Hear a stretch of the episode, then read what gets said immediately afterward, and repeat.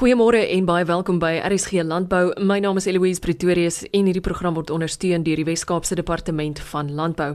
Helene Pfeifer is bestuurder van die melkprodusente organisasie se Suiwel Instituut. En vandag gaan jy hoor van die belangrike bydraes wat deur hulle gelewer word. Ons gaan ook hoor hoe melkprodusente in ons land kan baat vind by hierdie dienste. Ons fokus basies op die kommersiële boer se plaaswerker en ook op opkomende boere. En ons fokus op training, op hulle opleiding om van hulle meer tegnies vaardige mense te maak en ook om sekere lewensvaardighede vir hulle te leer. Nou ons het 'n 'n suiwel 'n beroepskwalifikasie ontwikkel en ons het omtrent in 2012 begin daarmee. Ons het al die dissiplines wat nodig is vir 'n plaaswerker in suiwel waarvan hy moet kennis dra, maak deel van hierdie beroepskwalifikasie. En hy's op drie vlakke. Dis eers daar's eers 'n gedeelte vir die plaaswerker en dan vir die plaastoesighouer en dan vir die plaasbestuurder. So hy kan hy kan of net die een een vlak doen of twee vlakke en op die einde het hy die beroepskwalifikasie as 'n plaasbestuurder. Nou ek onthou ons het op 'n stadium met ons hierdie plaaswerker opleiding gegee in 'n plaas naby Greyton in Pretoria. En daar was 'n baie ou man en sy oë was baie swak geweest en hy het sulke katarakke op sy oë gehad. En ek het die dag die plaas besoek terwyl hy die opleiding gedoen het. En hy het vir my, hy het so geglimlag en hy het vir my gesê, "O, oh, hierdie opleiding is vir hom so fantasties, maar wat vir hom so lekker is, in die aande as hy nou moet gaan leer wat hulle in die dag gedoen het, want omdat hulle geassesseer word, weet hulle skryf eksamen daaroor, want op die einde van die dag moet hulle weet hulle moet 'n sertifikaat kan ontvang." Hy sê Die die boek is vir hom so mooi en so maklik. Sy kleinkinders in die aand leer hulle vir hom. Hulle leer vir hom uit die boek uit by Kerslig. Nou daai boek het ons ge, gemaak met klomp sketse. So ons gee 'n kort beskrywing met 'n skets by. En dit was nogal vir my baie mooi um, storie wat daar uit daai opleiding uitgekom het. Die sogenaamde School Milk Program het oor jare heen 'n rol gespeel in die vorming van gesonde eetgewoontes by kinders. Um laas jaar tydens Wêreld Wêreld Melkdag het ons 'n dag gehad by Willow Valley Plaas naby Pretoria en die eienares Kate sy het 'n hele paar skole daar gehad en sy het 'n kalfie daar gehad en sy het vir hulle vir die, vir die skoolkinders verduidelik die waarde van die kalfie en hoe jy die kalfie moet grootmaak en waar die die die die melk vandaan kom en hoe die mamma 'n kalfie moet kry sodat sy kan melk produseer en dit is dan ook die melk wat weet wat ons dan op die einde van die dag um, gebruik. En nou die MPO raak ook dan daarbey betrokke. Ons het dan klomp inkleerboeke wat ons vir die skoolkinders gee wat wat ook opvoedkundig van aard is en dan het 'n deel van Melk SA se programme is daar 'n verbruikersopvoeding en daai verbruikersopvoeding pamflette en inligting word dan ook aan die skool juffrouens en onderwysers gegee sodat hulle die regte inligting aan die skoolkinders kan oordra sodat hulle ook besef wat is die nutriëntwaarde daarvan en ehm um, so word die melk ook dan die melkverbruik ook dan bevorder by die klein kindertjies. 'n Kursus rondom biosekuriteit word ook met sukses deur die melkprodusente van Suid-Afrika se opleidingsinstituut aangebied. Ja, ons het 'n baie interessante biosekuriteitskursus ontwikkel wat wat deel is van ons uh, melkbestuurderskurrikulum. Nou kyk, biosekuriteit uit die aard is baie baie baie belangrik veral ook as jy kyk in die afgelope tyd met al die siekteuitbrake wat daar was en die verliese en veral die finansiële verliese wat dit teweegbring. So ons het hierdie biosekuriteit kursus wat ons dan nou vir plaasbestuurders aanbied. Ons gebruikendiges in die industrie om dit aan te bied en en wat hierdie kursus eintlik baie lekker maak en baie prakties. Om vooraf neem ons 'n 'n ligfoto of wat ons dan uit 'n rekenaarprogram kry van die plaas en die student wat dan nou 'n plaasbestuurder is gebruik hierdie ligfoto om sy biosekuriteit op sy plaas te evalueer en ook om dan hoe sy biosekuriteit gaan verbeter op sy plaas. So hierdie hele kursus spreek aan wat is die status van jou biosekuriteit op jou plaas en hoe jy dit kan verbeter en nuwe biosekuriteitsmaatreëls wat jy moet instel. Want biosekuriteit fokus op om te verhoed dat siektes binne jou plaas inkom, hoe om dit te beheer binne jou plaas en verspreiding daarvan te voorkom. Die ehm um, luisteraars kan die NPO skakel en weer dan net vra met my te praat. Ons hou in elke provinsie hou ons gereeld 'n biosekuriteitskursus en dan kan hulle dit net bywoon. Dit is strek oor 'n tydperk van 3 dae. Een van hulle mees onlangse innovasies was die ontwerp van 'n opvoedkundige bordspel. Dit was 'n verskriklike lekker projek. Nou die die Suiwel Standaard Agentskap wat die Dairy Standard Agency is. Hulle het 'n produk ontwikkel, the Code of Practice for Milk Producers.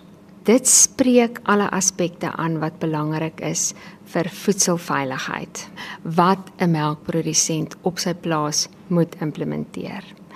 En dan ook, um, dit is belangrik vir uitvoerstandaarde. Melkplase word jaarliks geaudit en een van die vereistes volgens regulasie 961 is dat ehm um, daar 'n geakkrediteerde opleier moet wees wat jou plaaswerkers dan in hierdie kode van beste praktyk oplei. Nou 'n klassituasie kan soms baie vervelend wees en dit het ons besluit om eerder hierdie bordspel te ontwikkel sodat jy maak nie saak wat 'n ou se akademiese of kennis vermoë is nie, maar dat hy aan hierdie ding hierdie hierdie spel kan deelneem.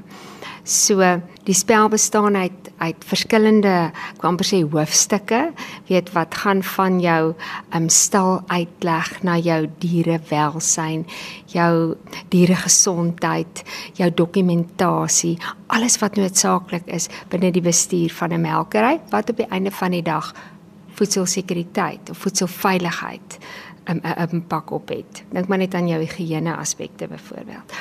En okay, goed dan hierdie bordspel. Dit werk soos dit lyk eintlik amper soos Monopoly. Dan is daar verskillende vrae of kaartjies. Hulle speel dit met 'n 'n dice.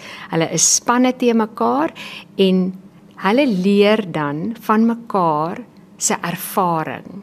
En die span onder mekaar moet hulle moet hulle antwoorde uitredeneer sodat weet sodat hy op die einde van die dag die beste antwoord kan gee. En dit is 'n manier hoe die hoe die die deelnemers bymekaar leer en weet van mekaar se ervaring leer en daar's geweldig baie kompetisie by, want daar's pryse ook aan by betrokke. Ons ondervinding nou is dis die be beste manier van leer vir hierdie plaaswerkers. Want onthou is mense wat gewoond is weet hulle werk, hulle doen hande werk en nou moet hulle om 'n tafel sit of nou moet hulle in 'n klaskamer sit en hulle moet met teorie kry. En dit werk nie altyd nie. So hierdie bordspel is 'n fantastiese leermetode vir die plaaswerkers. Op hierdie stadium ons bied dit aan want daar moet 'n fasiliteerder by betrokke wees want ek bedoel daar gaan nog steeds baie leer in en die fasiliteerder moet dan hulle die konsepte verduidelik sorg dat die hele kurrikulum hanteer word. So die ehm um, weer eens is die boere welkom om ons te skakel en ons gaan bied hierdie spel op die plaas aan vir die boer se werkers. Ons kan dit of oor 'n tydperk van 3 dae of 5 dae aanbied. Dit is wat eintlik wat die MPO se opleiding so uniek maak. Ons bied wel gesamentlike kursusse aan op 'n spesifieke plek en tyd, maar dit is nie moontlik vir 'n boer om altyd sy werkers van die van die plaas af te neem vir opleiding nie want daar's melktye by betrokke nie werk moet aangaan. So wanneer ons ons fasiliteerder na 'n plaas te stuur, dan konsulteer ons met die boer vir die tye wat die werkers beskikbaar kan wees en in daai tyd gee ons opleiding. En wanneer ons breek, dan gaan doen die werker sy sien maar dit is melktyd of voertyd of wat ook al, dan gaan doen die werker sy wer sy fisiese werk en tydens daai tyd gebruik die fasiliteerder die tyd om om die praktiese waarde van die kursus te demonstreer vir die vir die plaaswerkers. So die hele tydperk is 'n leertydperk, maar ons gebruik net die tyd volgens die die rotine van die plaas. Die suksesvolle bestuur van melkplaas ondervinding vir jong studente is nog 'n veer in hulle hoed. Ja, vir die afgelope aantal jare het ons al geweldig baie studente op melkplase uitgeplaas vir hulle ondervindingsjaar. Kyk, gewoonlik studeer die studente 3 jaar en dan het hulle 'n jaar van um, werksondervinding nodig alvorens hulle hulle kwalifikasie kan kry. En weet jy, ek moet sê daar's baie van ons melkbore se weet sy harte is absoluut oop om studente in te neem. Soms is ons gelukkig om beurse te kry vir die studente wat ons gewoonlik van Agriseta af kry. So Agriseta betaal dan 'n 'n bedrag per maand wat dit dan ook vir die boer makliker maak weet om so 'n student in te neem want daar's eintlik 'n groot um, verantwoordelikheid op die boer want hy moet akkommodasie verskaf en hy moet optree as mentor vir die student oor 'n tydperk van 'n jaar en hy moet ook verseker dat die student weet ook aan al die dissiplines van van 'n melkery blootgestel gaan word. En um die student moet ook by sy opleidingsinstansie 'n taak inhandig of heelwat take. So dit moet die student ook doen en dan die boer is maar sy enigste mentor in die geval. En ehm um, ja, ek moet sê daar het ons ook al 'n paar mooi stories gehad. Ek onthou hierdie een meisie in in KwaZulu-Natal. Sy was 'n absolute treffer. Die boere of die boer was mal oor haar. Sy het hierdie hierdie gawe gehad met kalfies en dit het haar lewe geraak. En sy het sy het net hierdie absolute passie gehad. Ek het in lanklaas in my lewe so iets ontdek. En na die tyd het ons dit ook te vaar moontlik gemaak vir haar beheers gegee en dit sou ook verder gaan studeer. En die dame is nog steeds met ons in kontak en sy weet sy bel gereeld en dan sê sy ook net altyd, "Oh, oh ma'am, I just want to thank you for the opportunities you gave me."